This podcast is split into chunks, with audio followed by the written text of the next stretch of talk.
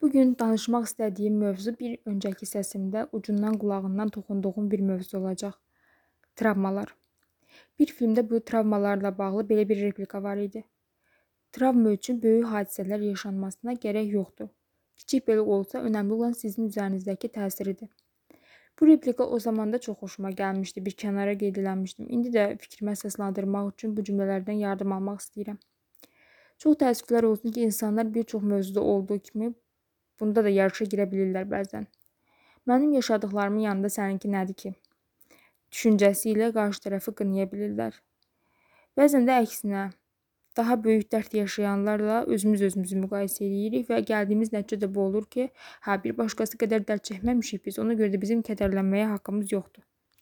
Əslində qavramamız gərəkən məqam bu olmalıdır ki, hər şey nisbidir. Bəli, həyatda hər şey nisbidir. Bunu hamımız bilirik, amma nədənsə teorik olaraq bildiyimiz bir bilgi olaraq qalır həmişə. Bunu həyatımıza tətbiq eləmirik.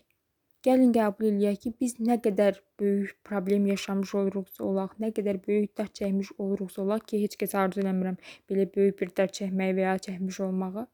Amma hər halda dünyanın hansısa bir nöqtəsində bizdən daha pis və ya yaxşı vəziyyətdə olan biriləri mütləq ki olacaq. Siz elə başa düşməyin ki, bunu deməkdən məqsədim hə könül rahatlığı ilə ən xırda şeyləri özünüzə problem eləyib, e, sonra da qarşısında özünüzü çarəsiz hiss eləyin deyədir. Burada diqqət çəkmək istədiyim məqam bu sidik yarışına girməməyinizdir. Anlamalıyıq ki, travmalardan xilas olmağın yolu problemlərimizi uzaqlaşdırmağa, yox saymağa, görməzdən gəlməyə çalışaraq mümkün olmayacaq. Əgər onlardan xilas olmaq istəyiriksə, onları sağaltmağa çalışmalıyıq. Bu sağaltmaq da necə ola bilər? Onların ruhumuz üzərindəki təsirini analiz edərək.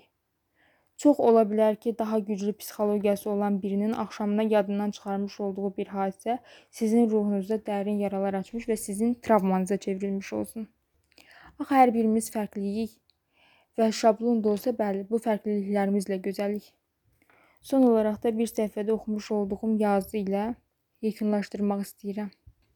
Travman daha pisini yaşamış biri olsa da, çox uzun zaman öncə olmuş olsa da, indi özünü yaxşı hiss etsən də, qaça biləcəyin bir şey olsa da, bilən tək insan sən olsan da və biri burada böyüdüləcək bir şey yoxdur demiş olsa da gerçəkdir.